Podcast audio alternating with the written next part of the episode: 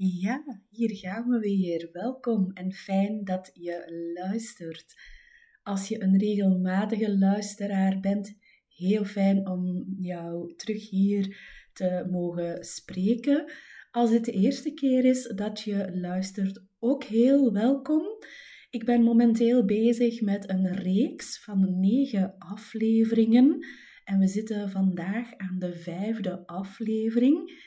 Een reeks waarin ik vertel over negen levenslessen uit mijn leven. En um, ja, niet zozeer om die te vertellen, maar omdat die uh, impact hebben op de manier waarop ik ouders, gezinnen, kinderen in een complexe scheiding help. En ja, daar wil ik jou een inkijkje in geven. Dus uh, vandaar. Welkom bij de Straffe Ouders na de Scheiding podcast. Ik ben Anne ik ben systemisch counselor en ik help, ja, ik help dus ouders, gezinnen, kinderen in de meest ingewikkelde scheidingen. Ik help hen om van angst, machteloosheid, chaos, niet weten wat doen, naar een heldere koers hebben vertrouwen terugkrijgen dat de kinderen hun weg gaan vinden. Niet dat vertrouwen gewoon krijgen door mijn woorden, maar door zelf actief dingen te gaan uitproberen met de kinderen en in communicatie met de andere ouder. Vorige week was er geen aflevering. Ah, ik ben heel erg ziek geweest, dus ik heb eventjes een pauze daarvan genomen. En hier zijn we terug. Ik heb nu bijna nee, acht jaar, acht jaar bijna, ben ik samen met mijn partner, met mijn vriend Gert. We leerden elkaar kennen dan in 2016. Dat was ook een heel grappig verhaal eigenlijk van hoe dat we elkaar hebben leren kennen. Hij is niet het soort man waar ik vroeger altijd opviel, maar eh, vrienden van ons uh, wilden ons koppelen. Hij had toen in de tijd uh, was hij uit elkaar met de moeder van zijn dochter. Ik had daarvoor een relatie gehad met een man met kinderen en ik had voor mezelf beslist: ik ga ik ga niet meer daten met een man met kinderen, omdat die vorige man die verwachtte dat ik bij hem ging wonen en voor de kinderen zorgen. En ik zie kinderen heel, heel graag, maar hij had vier kinderen en dat was mij toch net wel iets. Um, ja, dat stond niet in mijn, uh, in mijn plan. Maar uh, met Gert, uh, dus met mijn huidige partner, kwamen we heel snel eigenlijk tot de conclusie: oké, Gert heeft zijn huis, hij heeft een dochter, hij woonde al enkele jaren samen alleen met zijn dochter. Ik heb mijn huis. Uh, en ja, dan hadden we natuurlijk wel gesprekken over: ja, ga ik verhuizen? Het was niet echt. Het kwam niet echt ter sprake dat hij zou verhuizen, want hij hij woonde daar samen met zijn dochter, dus uh, dat, dat, dat snapte ik. Of dat we ieder ons huis gingen verkopen en dat we samen iets nieuws gingen starten. Maar we hadden elk al heel veel werk in ons huis gestoken. Dus hebben we vrij snel de beslissing genomen om apart te blijven wonen. Wij wonen op vijf kilometer van elkaar. Wij zien elkaar ja, dagelijks eigenlijk. Uh, uh, ik zorg in al die jaren, in, in die zeven en een half jaar, heb ik uh, ook heel veel gedaan voor zijn dochter. Ik kook ook in de week daar bij hen. Um, dus we hebben een latrelatie. En een latrelatie, ja, de mensen hebben daar zo ideeën over, over een latrelatie. Mensen weten niet zo goed hoe dat, dat werkt.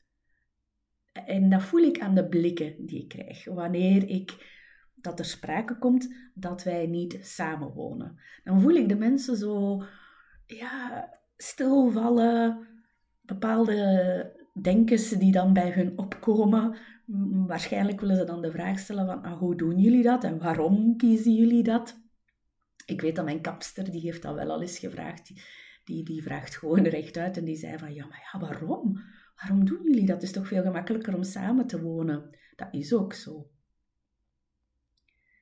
We hebben die keuze gemaakt en het werkt voor ons. Het werkt eigenlijk heel goed voor ons. Het werkt goed voor mij, het werkt goed voor Gert, het werkt goed voor Paulien. Ehm, we hebben onze weg daar zo in gevonden. In, in ondertussen in die zeven en half jaar. In, nove, in december, in november was de kat, bij Gert en Paulien was de kat overleden. En Paulien mocht een nieuwe, ze, ze kreeg een nieuwe kat van papa. Dus wij gingen dan uh, kijken in de adoptiecentra voor katten in de buurt. En we hadden een, een, een kat gezien. Nee, we werden uitgenodigd door um, de kattenopvang om te gaan kijken naar de katten die daar aanwezig waren. En Gert is niet zo'n kattenliefhebber, maar ja, Paulien is zot van katten. Ik ben ook zot van katten. Dus Gert vond het logisch dat ik samen met Paulien ging. En Paulien zei ook van, oh nee, dat is niks voor papa. Wij gaan dat met twee wel doen. Hm? Ook omdat ik ook veel, ja, ik ben daar ook veel, ik zorg ook veel voor die kat. En uh, voilà. En we zijn daar in die, in, die, in die kattenopvang. En ik merk dan Wanneer dan, dus natuurlijk vragen ze naar de gezinssituatie. Ze vragen hoe zit dat bij jullie bij gezin om een goede match te vinden tussen de kat en uh, ons als gezin. We hebben uiteindelijk een heel goede kat, een goede match gevonden. Uh, dus uh, dat is allemaal heel goed gekomen. Maar tijdens dat gesprek merkte ik dat het echt wel moeilijk was om uit te leggen. Dus dan moest ik zeggen dat ik, dat ik de plusouder ben. Dus ik ben dan niet de mama. En dat ik niet ja, daar voltijds aanwezig ben in dat huis. En ik vind dat toch altijd wel een beetje, op zijn Vlaams gezegd, ambetant. ik, ik vind dat lastig om dat uit te leggen, omdat de mensen daar zo geen, uh, niet veel ideeën rond hebben van hoe dat, dat gaat. Als, we, als ik een nieuw samengesteld gezin zou zijn en ik zou daar samenwonen, daar hebben mensen al wel ideeën over hoe dat men dat doet. Hè. Dan woon je als gezin samen, je bent een plusouder. Maar een latrelatie en dan een nieuw samengesteld gezin daarbij, daar hebben de mensen niet zo'n idee van, van hoe werkt dat dan? En dan moet ik toch altijd een beetje, dan voel ik dat ik toch altijd een beetje zo tegen de algemene stroom moet inzwemmen. Van het kerngezin denken, van het in één huis samenwonen denken. Ehm, dat ik daartegen moet inzwemmen. En dat is wel hard werken dan, om dat uit te leggen, om de mensen gerust te stellen of om te tonen van hoe dat, dat werkte bij ons. Nu, dit is een eigen keuze geweest, zowel van Gert als van uh, mij. Um, wie weet dat wij, als Paulien groter is, uh, dat wij gaan samenwonen, dat zien we allemaal nog wel. Het is een eigen keuze geweest. Nu, waarom vertel ik dit verhaal? Omdat de ouders ehm, in een complexe scheiding, waarbij de scheiding heel ingewikkeld is, die moeten ook heel hard werken om dat uit te leggen aan de buitenwereld. Wat dat, dat precies is. Mensen hebben daar ideeën over. Complexe scheiding, de samenleving denkt dan, ja, dan zit je in een vechtscheiding. En dan hebben ze daar ideeën over. Over, over jullie, over hoe jullie dat doen, of, of, of hoe, hoe, jullie dat niet doen. Of, ze hebben daar allerlei ideeën over. Ik herinner mij nog een ouder die dat vorige week ook zei. Die zei, ik voel dat ze zo over mij denken. Ik hoor dat ook in alles wat ze zeggen tegen mij. Dat was in een bepaald gesprek dat ze dat had opgemerkt. Tegen de stroom inzwemmen, dat is niet gemakkelijk. Dat is, dat is werken. Eh, je moet je uitleggen aan de buitenwereld. Nu, komt daar nog, nu, nu heb je daar niet voor gekozen hè, om in die complexe scheiding terecht te komen. Je wil het niet en toch zit je erin. Dus dat is een, een verschil met mijn situatie. Hmm, dan de weg die ouders bij Glinster nemen, daar maken ouders wel een keuze om een ongewone weg te nemen in de complexe scheiding. En daar zwemmen ze ook tegen de stroom in van wat de samenleving denkt. Dus de samenleving denkt, um, ja, je moet dat samen oplossen. Zo'n zo'n conflict, je moet dat oplossen. Hm? Mensen hebben dan ook ideeën over jou en dergelijke. En dan moet jij uitleggen van, ja, eh, ik, ik, ik kies ervoor om dat op een andere manier te doen. Ik heb het hier niet over gewone conflicten. Ik heb het ook hier niet over middelmatige conflicten. Ik heb het hier echt, lieve mensen, over hoog, hoog, hoog conflict. Ja? Machten van hogere orde. Heel ongewone situaties waar wij hier, en dat is mijn ervaring, dat het helpend is een ongewone wegnemen.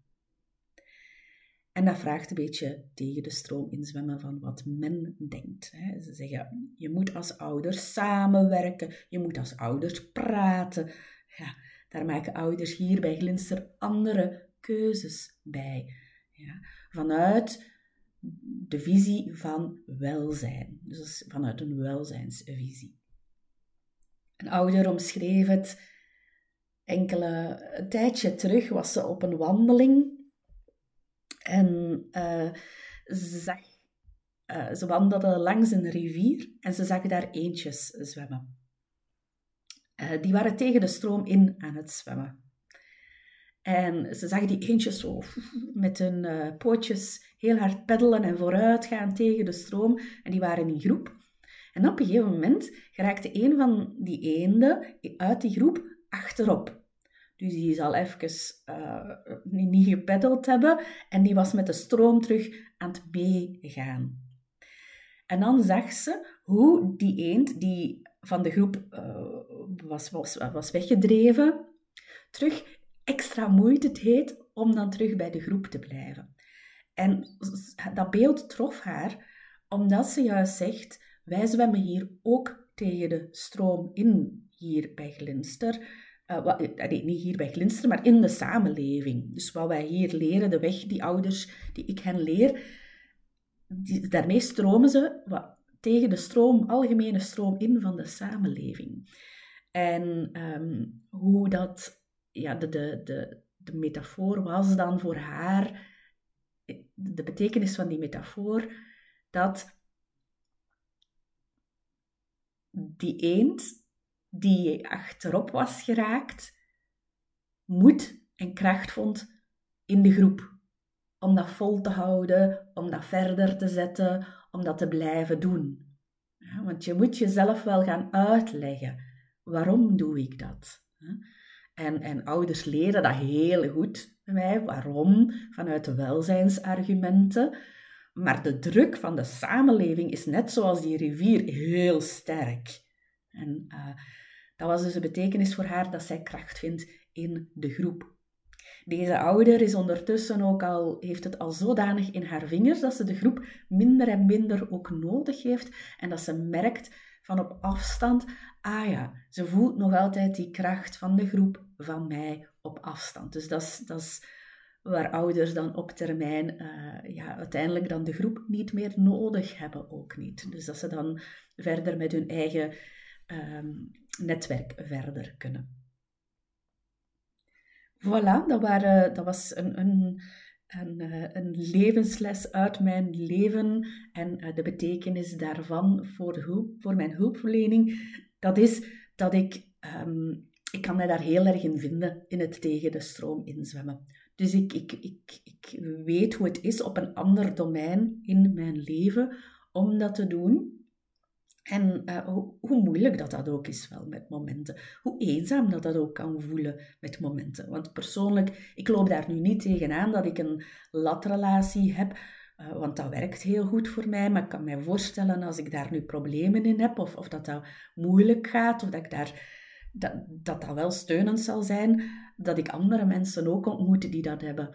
Ik ontmoet er heel zelden. En uh, als dat dan toch gebeurt, dan, dan voel ik wel opluchting. Dan denk ik van, oh ja, ja oh, jij begrijpt mij, jij, weet hoe het is, uh, jij begrijpt mijn keuze ook, zonder dat ik dat moet gaan zitten uitleggen of gaan verantwoorden.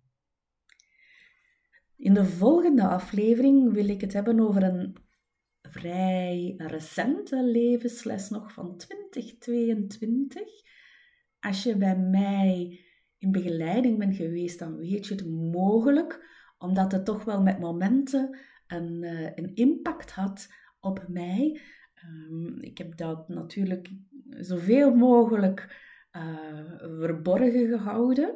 Ja, ik maak het heel, uh, ik maak jou heel nieuwsgierig misschien, hopelijk.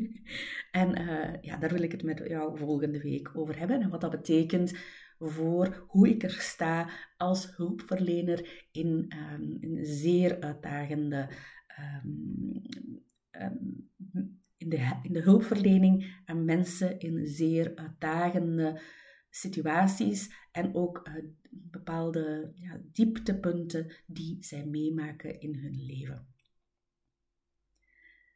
Ik zit ook, ook pardon, ik zit ook volop in de aanloop van een nieuwe groep Bouwen aan een sterke basis. Daar had ik het ook een beetje druk mee. En uh, ik kijk er heel erg naar uit. We starten 22 februari met een nieuwe groep Bouwen aan een sterke basis. Bouwen aan een sterke basis is een uh, online traject. En, uh, met heel wat persoonlijke begeleiding. Vind ik heel belangrijk. Je mag het ook in je eentje doen, maar uh, ik help je. Uh, iedereen die deelneemt aan het traject leer ik persoonlijk kennen en help ik ook daarin. Dus ik, ik vind het al heel spannend om, uh, ja, om dan in de aanloop daarnaar om te gaan kijken van wie heeft er interesse en om die mensen dan, ik kijk daar naar uit, de mensen, er zijn al mensen die zeggen van ik ga meedoen, ik, ik, ik start. En ik kijk daar naar uit om die te leren kennen, om, om die te helpen bij de stappen te zetten in de structuren van parallel solo-ouderschap. Ja, ik zit al zo eigenlijk um, op het tipje van mijn stoel om te gaan starten met hen, uh, om, om, om met hen te gaan samenwerken. Uh, als je daar meer over wil weten, over de training die ik doe met ouders om die structuur van parallel solo-ouderschap op te zetten, of als jij een ouder bent die zegt van ik wil daar mm, professionele hulp bij om dat voor mijn situatie te gaan doen, ga dan zeker uh, jezelf aanmelden op www.glinster.co bouwen en daar ontdek je ook meer over die training. Graag tot volgende week. Dag!